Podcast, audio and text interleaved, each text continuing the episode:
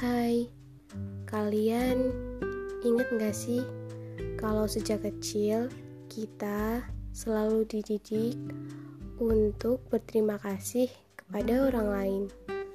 Padahal ada hal yang gak kalah penting, yaitu berterima kasih kepada diri sendiri.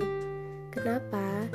Ya karena dalam kondisi apa pun dan bagaimanapun, diri ini akan selalu menemani dan selalu mendukung. Jadi, mau sampai kapan diri ini nggak kamu apresiasi?